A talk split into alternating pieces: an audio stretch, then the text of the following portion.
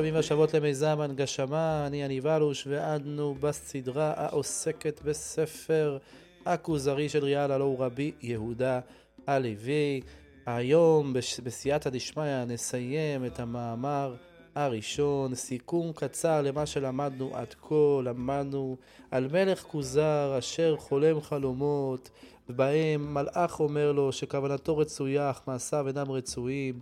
הוא מצליח לברר מול הדת המוסלמית והנוצרית והפילוסוף שאלות שבעצם מוכיחות לו שעליו לחזור אל המקור, אל העם המקורי, שכולם מזכירים אותו עליו שהוא שפל ודחוי. הוא פונה לחכם היהודי ובעצם שואל אותו שאלות שקשורות לאמונת ישראל, שאלות שאנחנו גם יכולים לשאול את עצמנו. החכם היהודי מסביר שהבורא הוא משגיח השגחה פרטית ושיש קליפה ופרי, כלומר יש נשמות שיש להם ייעוד להיות דבקים בבורא יתברך ולהגיע לדרגת הנבואה שהיא הדרגה החמישית מעל הדרגת המדבר, מעל דרגת האדם. ולאורך השתלשלות של דורות היה תמיד סינון של הקליפה במציאת הפרי עד שמגיע יעקב אבינו ועם ישראל ושם הפרי מתגלה במלוא הדרו וזוכה למעמד אה, מאוד מאוד משמעותי של יציאת מצרים ומעמד הר סיני.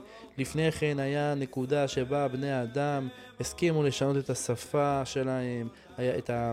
קבעו את ימי השבוע ואיך אה, סופרים, ואפילו עסקנו בסוגיה שקשורה לגיל העולם, שעדיין לא סותרת את העובדה שבנקודה מסוימת התחיל בעצם המין האנושי להתפתח בצורתו הנוכחית. האמונה של ישראל מבוססת על מעמד הר סיני ועל החיבור לנביא גדול מאוד, אדיר מאוד, כמשה רבנו, עם ישראל במעמד הר סיני שומע יחד עם אותו נביא, מקבל התגלות נבואית, זוכה לנבואה אמיתית ושומע את עשרת הדיברות, את שתי הדיברות הראשונות ולכן גם מאמת את גדולתו ועוצמתו של הנביא ואת האמת שלו והוא אשר גם מפרט להם את התורה ומסביר להם את מה שצריך אה, לעשות. עסקנו בפודקאסט אה, האחרונים גם על חטא העגל שהייתה נפילה נקודתית אבל לא כזאת שיכולה למנוע מהקדוש ברוך הוא לדבוק אה, אה, בעמו וכאמור בפודקאסט הזה נסיים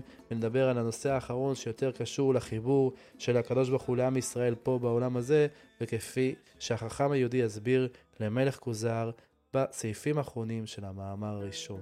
אז ישר כוח חברותות אהובות, בואו נסיים ביחד את המאמר הראשון. קדימה, בואו נתחיל.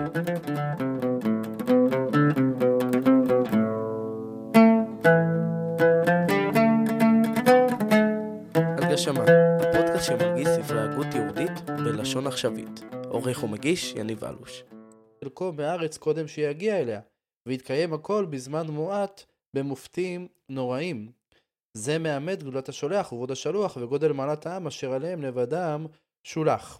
כן, למעשה מלך כוזר משיב וממשיך את השיח מהפודקאסט הקודם, או מהסעיפים הקודמים, עם החכם היהודי, ובעצם מסביר לחכם היהודי שהוא מאוד מסכים עם הגישה שלו, שכל ה...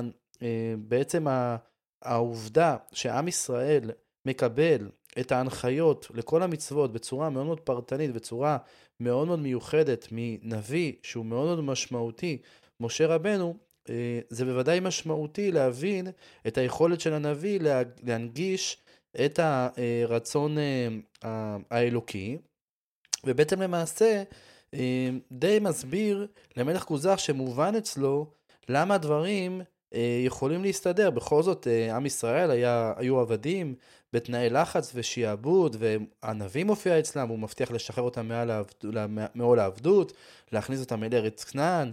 אה, בזמן שהארץ הזאת היא, היא תחת שלטון, זה לא שהיא ריקה ומחכה שהם יגיעו, יש שם את שבע, שבע העמים. אה, והוא יודע גם, הוא מודיע לאותם, אה, לאותם שבטים, לעם ישראל, איזה חלק הם עתידים לנחול בארץ, ובאמת ההבטחות שלו מתח... מתקיימות תוך זמן קצר, היו ניסים ומופתים, כמו שכולנו יודעים, ומדברים ומספרים ביציאת מצרים, בליל הסדר ובכלל. אה, והדבר הזה באמת, באמת מיישב בלב האדם את האמונה לקבל את התורה אה, ללא ספק וללא אה, שום פקפוק.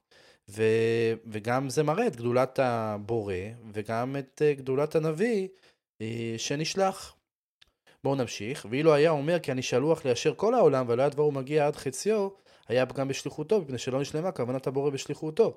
והיה מונע השלמתה, יוצא ספר תורתו עברי, והיה מאמס, מאמס על אומות שבה, על אומות שבא והודו וכוזר להבינו ולעשות שכתוב בו. אלא אחרי מאות שנים שיקרה להם להשתנות עליהם בעבור ניצחון או שכונה, לא בראיית הנביא בעצמו, או נביא אחר שמעיד ומזהיר על תורתו. וכאן בעצם מגיע אה, הקאץ', אני אקרא לזה במילים שלנו, של אה, מה שרוצה להגיד מלך כוזר לחכם היהודי. ובעצם אומר שמובן לו למה הבורא לא נתן בידי משה את התורה לכל העולם, אלא דווקא לעם ישראל. אתם זוכרים, בכל זאת דיברנו על זה שבהתחלה אה, מלך כוזר הלך באיזשהו נתיב שמנסה להקשות על החכם היהודי ולשאול מה אתה כל כך מתפעל מעם ישראל? אם הם עשו כל כך הרבה טעויות? ומלך כוזר והחכם היהודי הסביר והדגיש המון זמן כדי להסביר לו למה חטא העגל הוא חטא אמנם חמור אבל עדיין לא מספיק אה, משמעותי ואחר כך גם כל המהלכים שדיברתי עליהם קודם של הגדולה של הנביא וכאן בעצם מלך כוזר מנסה להסיט את הדיון אני אומר את זה במילים שלי ובעצם להקשות בדרך אחרת, ובא ואומר, אוקיי, בסדר, אז אני מבין שהשליחות האמיתית היא לא לעם ישראל, אלא היא לעולם כולו. רק שכנראה שהיה צריך לפנות בהתחלה רק לעם אחד, ובעצם הוא התבסס בדת שלו, באמונה שלו, וממנו זה התפזר הלאה ל... לכל העמים, ואז, ואז אני מבין למה זה באמת לא יגיע לשאר המדינות, כי בעצם זה היה נכשל. אם זה היה בהתחלה נביא אחד שאומר uh, לכולם, זה היה יכול uh, להיכשל. בואו נחזור טיפה לדברים. ואילו היה אומר כי אני שלוח לישר כל העולם ולא היה דברו מגיע עד חציו, היה גם בשירותו בזה שלא נשלמה כוונת הבור בשליחותו והיה מונע השלמתה, אותו ספר תורתו עברי, והיה מאמס על מהומות שבה שבה והודו וחוזר להבין על שכתוב בו. אלא אחרי מאות שנים, שיקרה להם להשתנות עליהם בעבור ניצחון או, או שכונה לא בראיית הנביא בצור, או נביא אחר שמאיר ומזהיר על תורתו. כן, בעצם מה שאמרתי, שבעצם רק אחרי כמה מאות שנים אפשר היה להעביר את ה... דברים לכל העולם. אה, ובמילים אחרות, מלך כוזר בא ואומר, אז התורה שייכת לכולם, לכל האומות. אמר חבר, לא קרא משה לתורתו זולתי עמו ואנשי לשונו, וייעד אותם הבורא להזהיר על תורתו כל הימים על ידי הנביאים, ועשה כן כל ימי הרצון והזמן שהייתה השכינה ביניהם. לא, ממש לא, מלך כוזר.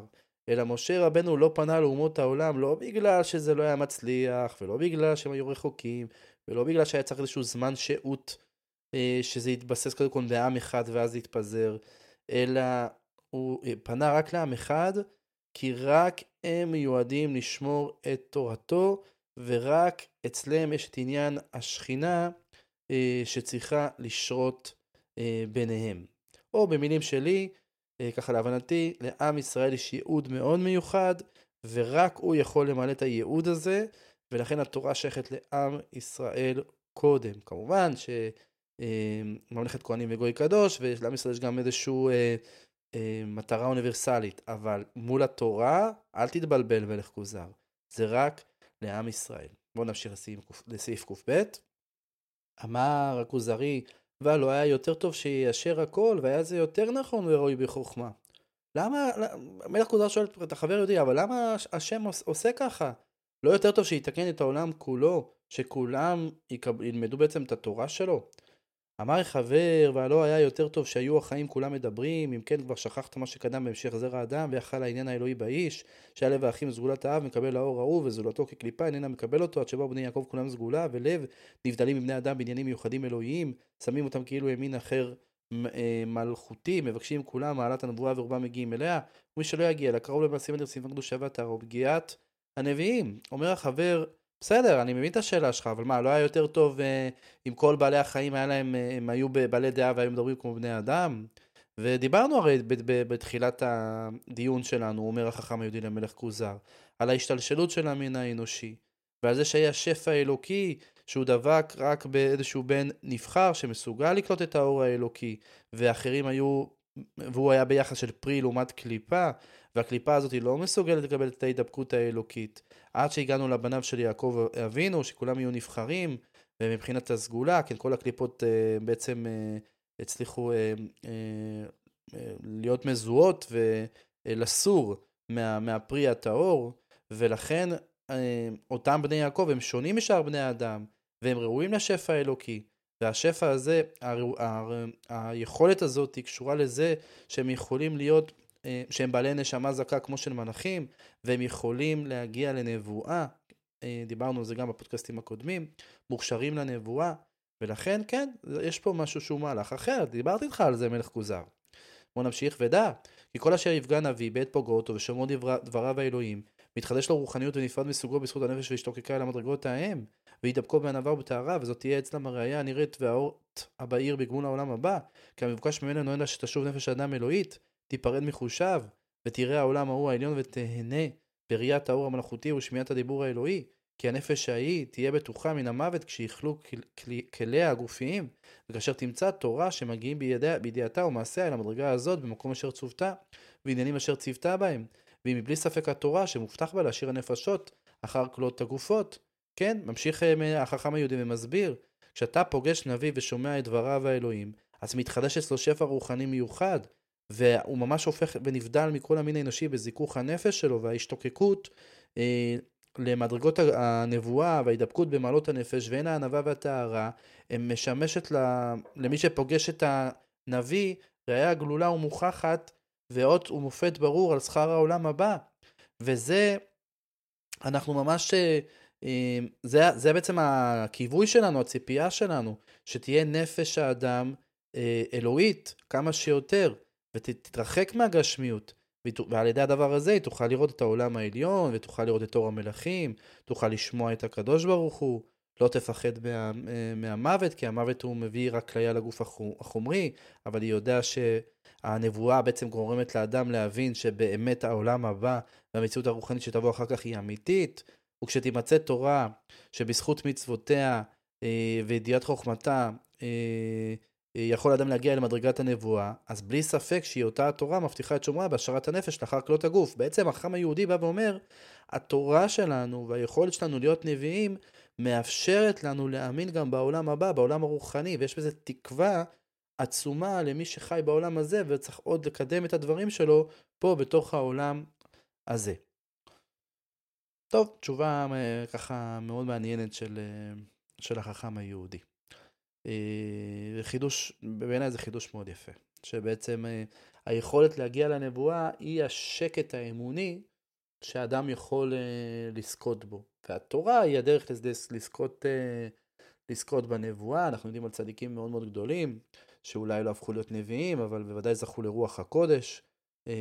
גם בדורות שלנו, האחרונים, בוודאי פגשנו ככה כמה צדיקים כאלה, מי שזכה לפגוש אותם ממש פנים אל פנים. וזה באמת נקודה מאוד חשובה. חשוב מאוד אמונת חכמים ואמונת צדיקים. הדבר הזה בעצם באמת מחזק את הידיעה ואת מה שאנחנו כל הזמן לומדים, וגם פה במיזם וגם באופן כללי, שאנחנו במהות שלנו נשמה, שהלבוש שלה זה גוף, והמטרה של הנשמה לתקן את הגוף וכדומה וכל מה שאמרנו. אבל כאן באמת החכם היהודי מסביר למלך כוזר שלא להתבלבל. זאת אומרת, כאילו התורה היא לא איזה משהו שהוא מופקר, משהו שהוא שווה וכל מי שרוצה יכול לבוא וללמוד בו. לא.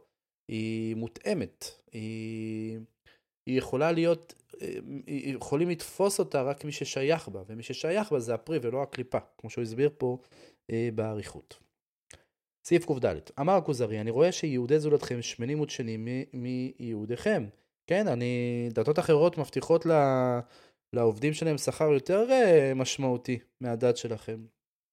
אמר חבר, אבל הם כולם אחרי המוות ואין בחיים בהם מאומה ולא דבר שיורה עליהם. או, תשובה יפה של החבר היהודי, אתה צודק, נכון, באמת הם מבטיחים שכר גדול, אבל הם כולם מבטיחות את השכר הזה לאחר המוות, אבל שום משמעות למה שקורה פה בעולם הזה, אה, וגם אין דבר ש...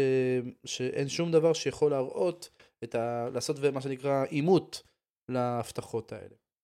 אמר הכוזרי, ולא ראיתי אחד מן המאמינים ביעדים ההם שהוא מתהווה למהירותם, אבל אם היה ביכולתו לאחרם אלף שנים ויישאר במסורת החיים ובעול העולם, ועצבונו היה בוחר בזה. כן, באיזשהו מקום המלך כוזר אה, אפילו כזה מסכים עם החכם היהודי, ואומר לו, את האמת, אני גם לא ראיתי אותם כל כך ממהרים אה, באמת למות. זאת אומרת, כאילו, אוקיי, גם אם יש להם שכר שמובטח להם, הם אומרים, טוב, תן לי אבל בינתיים למצות את מה שקורה כאן.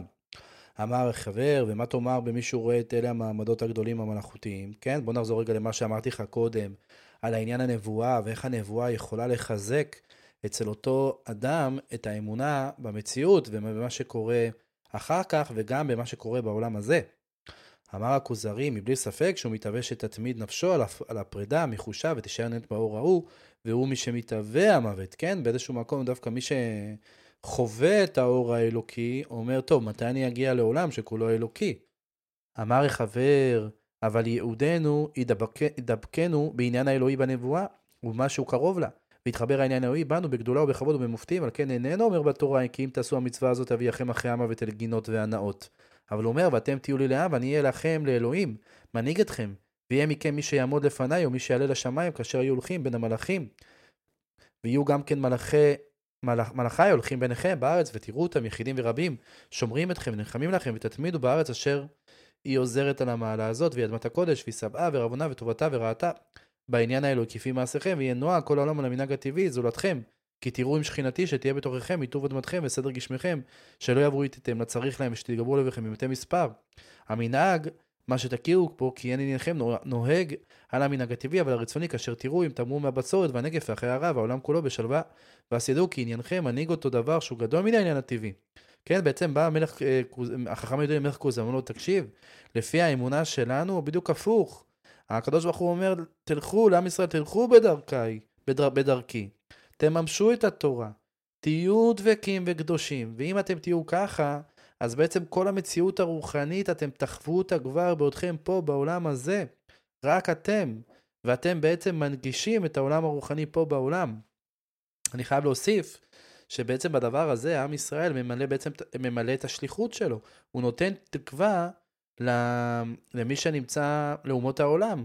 הוא בא ואומר לאומות העולם, לא יודעים, אני לא יודע אה, מה מבטיח לכם, מה מבטיחים לכם, אה, שיהיה לכם בעולם הבא, אבל המציאות האמיתית היא המציאות שתקרה, אה, היא כזאת שיכולה בעצם להתרחש דווקא בעולם הזה.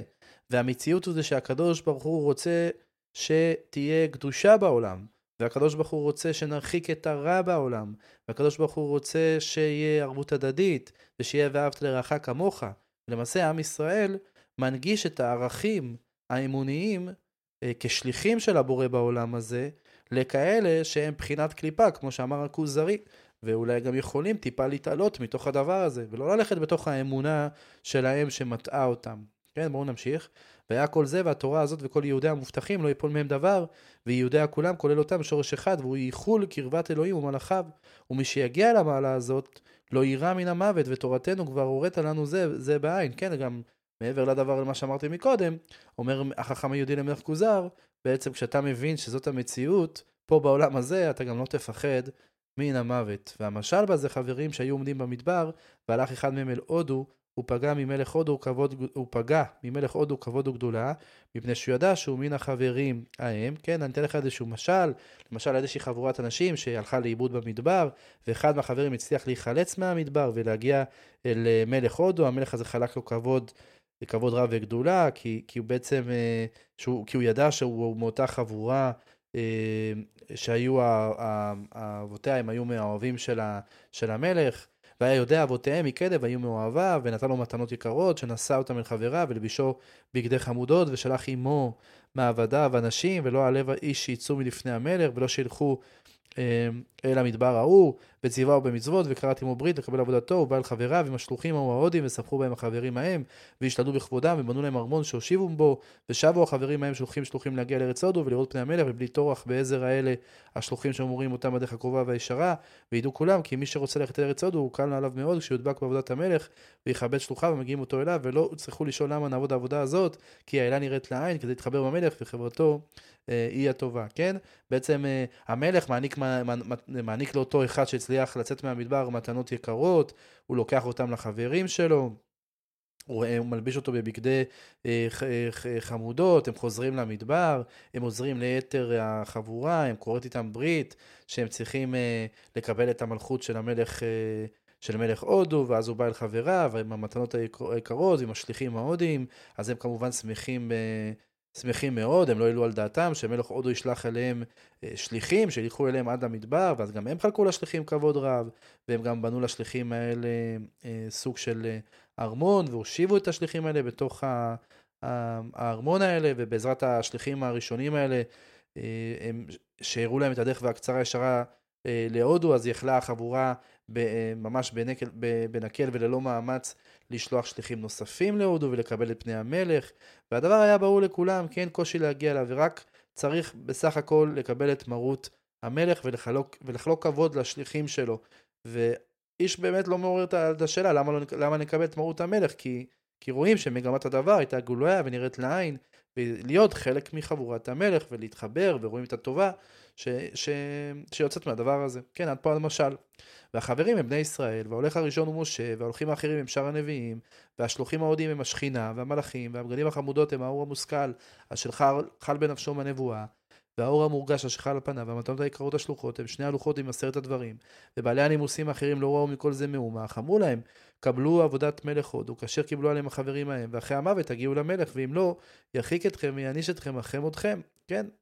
אה, בעצם אה, זה בדיוק העניין של הנמשל, הנמשל זה אותה חבורה שהולכת במדבר, היא בעצם אה, קשורה לעם ישראל, והשלח הראשון הוא משה, והשליחים הנוספים הם הנביאים, והשלוחים של המלך ההודי זה דווקא השכינה והמלאכים, והאור שקרה ממשה זה אותו, אותם בגדי חמודות שהוא קיבל משמיא, והאור שהאירה הנבואה בנפשו, וזה המתנות היקרות שנשלחו מהמלך, הם גם שני לוחות הברית, שכתוב עליהם את עשרת הדיברות, לעומת הדתות אחרות, שהם לא ראו בעיניהם מעניין הנבואה מאומה, כן, הם לא, סבו, לא ראו את המתנות האלה.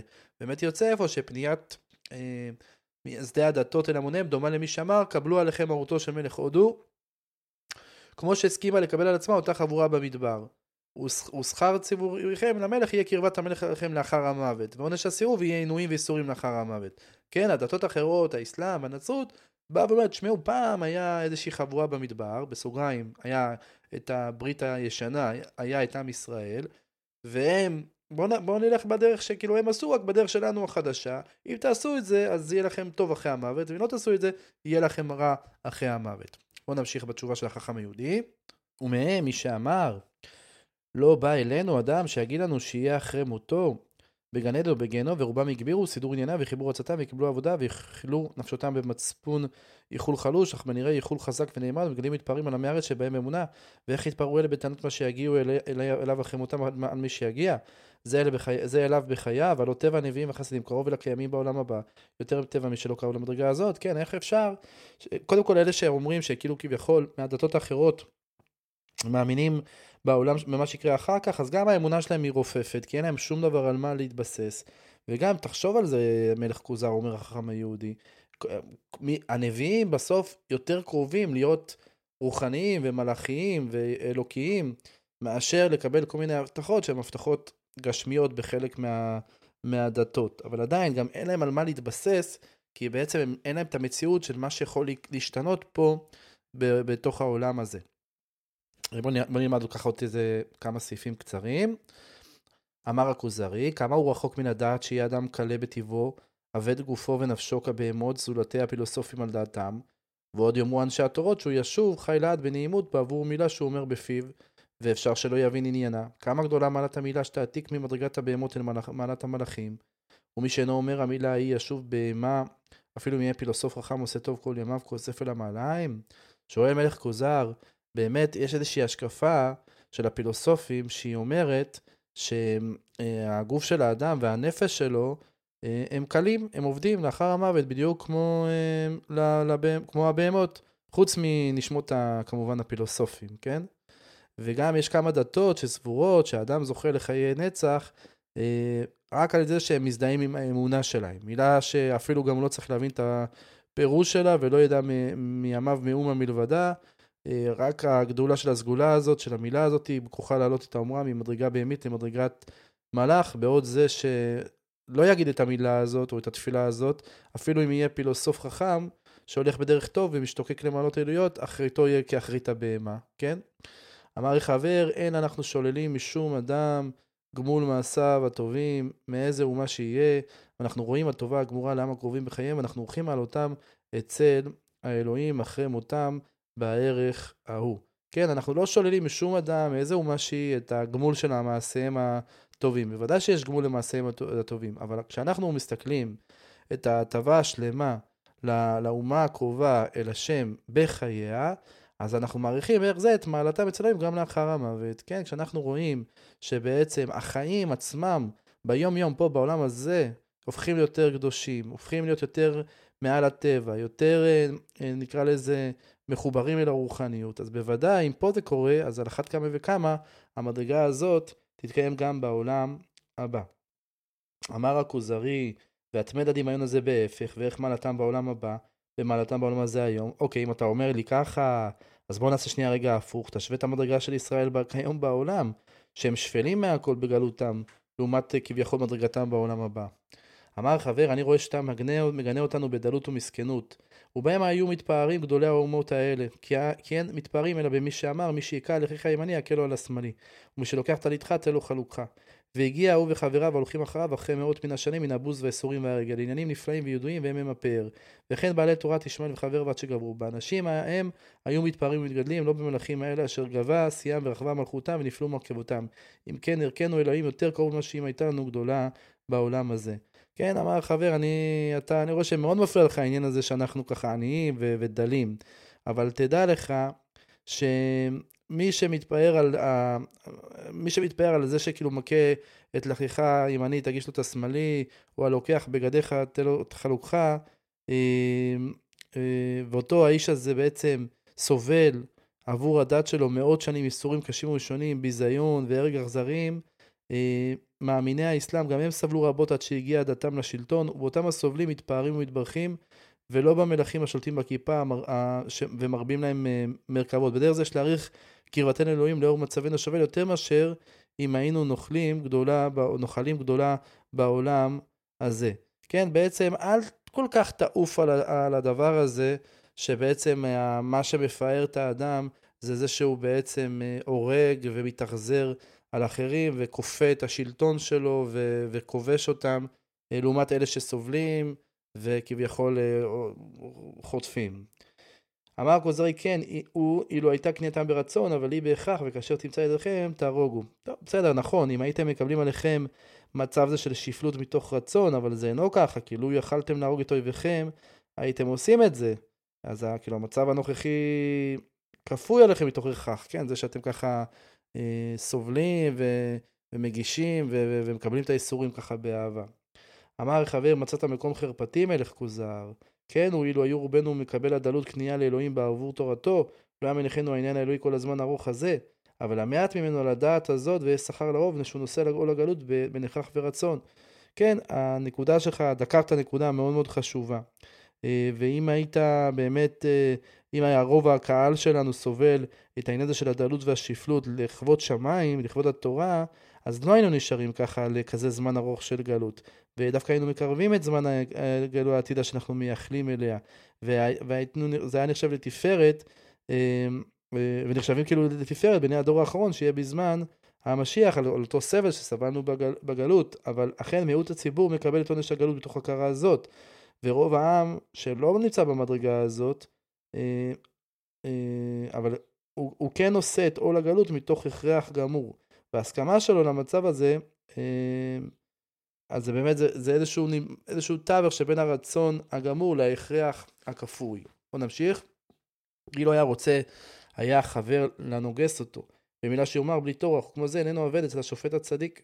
ואילו היינו סובלים הגלות הזה והדלות לשם האלוהים כראוי, היינו לפאר הדור שהיינו מצפים במשיח והיינו מקרבים לישועה עתידה שאנו מייחלים אותה ואנחנו, אנחנו משווים בנפשותינו כל נכנס בתורתנו במילה בלבד, אבל במעשים שיש בהם תורך הנפש מטהרה ולימוד במילה ומעשים תוריים רבים ושינהג במנהגנו. כן, אנחנו, אילו אותו אדם, אילו רצינו להמיר את דת, אותו אדם רצה להמיר את דתו, אז הוא יכול לעשות את זה ללא כל מאמץ, באמירה מילה, מילה מסוימת והיה נפטר מעול הגלות.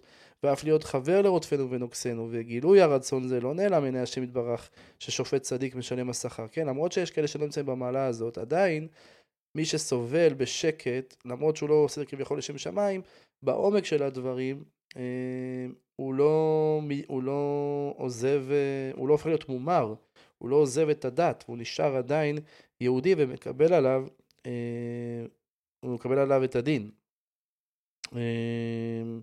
לגבי הדבר הזה של שהדתות הם, הם מגיירים גרים רק על ידי מילה שמציינת את ההזדהות עם אותה דת, אז, אז כמו שאמרנו מקודם, כן, אותה מילה שאתה אומר ואז אתה זוכה, לה, לפי הדעות האחרות אתה זוכה לאחלה שכר, אז אצלנו אין את הדבר הזה ככה, אין, הגר, אין, אין הגר שנכנס ליהדות הופך להיות גר צדק אה, באמירת מילה בלבד. אולי הוא צריך איזשהו מעשים שכרוכים בתוך, במאמץ, הגרות מחייבת טבילה, לימוד תורה, מילה, קיום אה, מצוות רבות ו, ושינוי המנהגים שלו למנהגים שלנו. אה, בוא נמשיך עוד טיפה, ובתנאי המילה וסיבותיה שיזכור תמיד כי אות אלוהי, שמה האלוהים באיבר התאווה הגוברת, לגבור עליה ולא ישתמש בה אלא כראוי, בהנחת הזרע במקום הראוי, בית שראוי וכאשר ראוי, אולם יהיה זרע מצליח יצלח לכיוון עיני אלוהי, ומי שדבק בדרך הזה יהיה לו לזרוע חלק גדול מן הקרבה אליי יתברך, ועם כל זה לא ישתווה הגר הנכנס בתורתנו עם האזרח, כי האזרחים לבדם ראויים לנבואה, וזולתם תחילת עניינם מהם ושיהיו חכמים וחסידים אך לא נביאים, כן, בעצם אה, יש פה ממש את ברית המילה ויש לה את ה... את ההנחיות שלה ומתי הוא צריך להשתמש בקדושת הברית וכדומה. ו... ואז אתה הופך להיות ראוי לקבל את השפע, אה, את השפע הנבואי, ומי שגר אז אולי בזמן הזה הוא לא יוכל להיות נביא, אבל בוודאי אחר כך הצאצאים שלו בוודאי כן, כי הוא יהודי לכל דבר. והיהודים, יהודים ההם אשר ערבו לך, כבר קדמו חכמינו לספר גן עדן וגיהנום, ומדדו אותם לאורך ולרוחב, וסיפרו הנעימות והאיסורים ביותר ממה שסיפרו שאר אומות הקרובות, ודיברתי עם חרדתה על מה שבא במקרה בדברי, במקרא בדברי הנביאים, כי לא נזכר בהם יהודי העולם הבא הרבה בביאור, כאשר נזכר הרבה בדברי חכמים, הם מתו, כי בדברי הנבואה, שישוב העפר שבגוף האדם אל הארץ, ותשוב הרוח אל האלוהים אשר נתנה, ובדברי הנבואה, תחיית המתים לעתיד ושליחת נביא שמואליהו, כבר שולח בזמן ההווה, ולקחו האלוהים באשר לקח זולתו, ואמרו שהוא לא טעם טעם איתה, ויש בתורה תפילת מי שיתנבא ברוח האלוהים, שיתפלל על עצמו, שימות כמו דשרים, ותהיה איתו כיחיד בני ישראל, וכבר שאל אחד המלכים נביא מת והתנבא לו בכל מה שיבוא עליו, כאשר היה מתנבא לו בחייו, ואם היה מעשה המלך ההוא אסור בתורתנו, רוצה לומר הדרישה אל המתים, הוא מורה כי היו עם מאמינים בימי הנביאים, כי הנפשות נשארות אחר כלות הגופות, ועל כן היו שואלים המתים ופתיחת תפילתנו שיודעים אותם אנשים, שיודעים אותה אנשים וכל שכן החכמים, אלוהי נשמה שאתה בי טהורה, אתה ביראתה ואתה יצרתה ואתה לפתה בי ואתה משמרה בקרבי ואתה עתיד לתלה ממני ולהחזירה בלעתיד לבוא כל זמן שהנשמה בקרבי, מודה אני לפניך השם אלוהי שאתה הוא ריבון כל המעשים. ברוך המחזיר נשמות נפגרים מתים, וגן עדן עצמו, אשר הרבו בני אדם לזוכרו, לא לקחו אותו כי מן התורה, והוא המדרגה אשר הוכנה לאדם, ולו יש החטא עומד בה לנצח, וכן גיהנום הוא מקום ידוע, קרוב לירושלים, גיא שאין האש נכבד בו, היו שורפים בו עצמות הטומאה והנבלות ושאר הטומאות, והמילה עברית מורכבת. החבר היהודי בעצם מסביר למלך כוזר איך כל הסיפור הזה של גן עדן וגיהנום מפותח מאוד במסורת של עם ישראל וחכמים, כמה הם מסבירים ואיך הדברים האלה אה, אה, ידועים אצלנו ומאוד מאוד מפותחים. אמר הכוזרים, כן אין חידוש אחר, אחרי תורתכם, אלא חלקיות מדברי גן עדן וגיהנום, ותכונתם והכפלת דברים והרבותם. כן, אין, אין, לפי מה שאתה אומר, אז בעצם אין חידוש בדברי הדתות האחרות לאחר התורה שלכם, כי באמת אתם הרחבתם. אמר חבר, גם זה איננו חדש, כי החכמים ירבו בזה מאוד, עד שלא תשמע ממנו מהומה, שלא תמצאנו לחכמים כאשר תבקשנו. כן, באמת, אתה יכול לחפש את זה בדברי חז"ל, ואתה תראה שהם דרשו בזה רבות מאוד. טוב, הפודקאסט היה קצת ארוך, אני יודע, סיימנו את המאמר הראשון. אני חושב שאפשר ככה להקדיש שתי דקות אה, נוספות רק כדי להסביר את כל מה שלמדנו במאמר הראשון בצורה מאוד מאוד מהירה, אה, ואפשר להתחיל בעצם במהלך הראשון. המהלך הראשון של המלך כוזר מול החכם היהודי עסק בזה ש... על משה רבנו ועל דרגות הנבואה.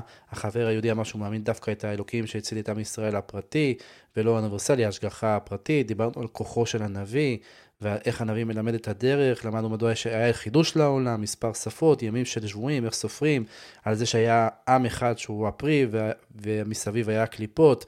דווקא, מדוע דווקא אה, העם הזה צריך אה, לקבל את התורה.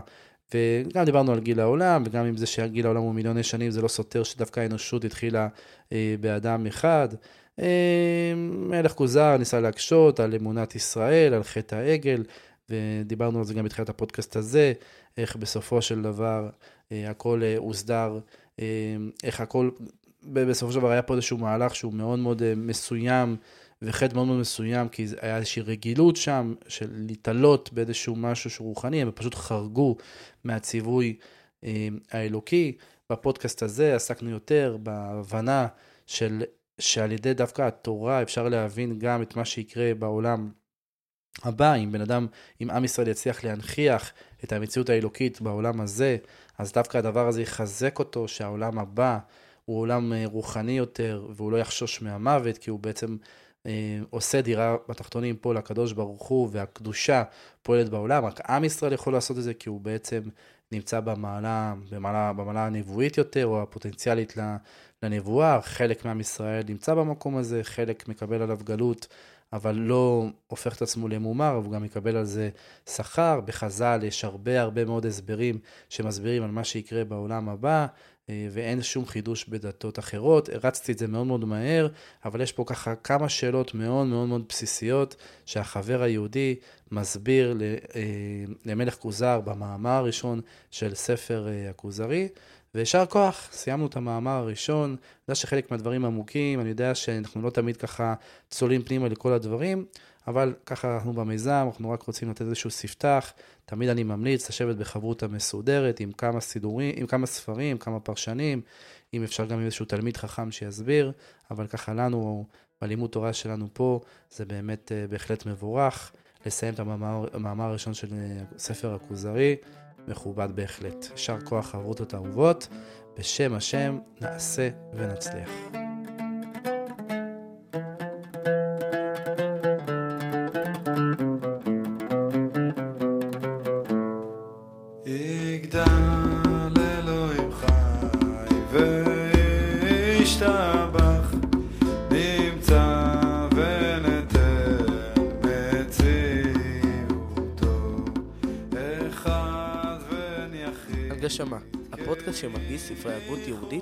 בלשון עכשווית. עורך ומגיש, יניב אלוש.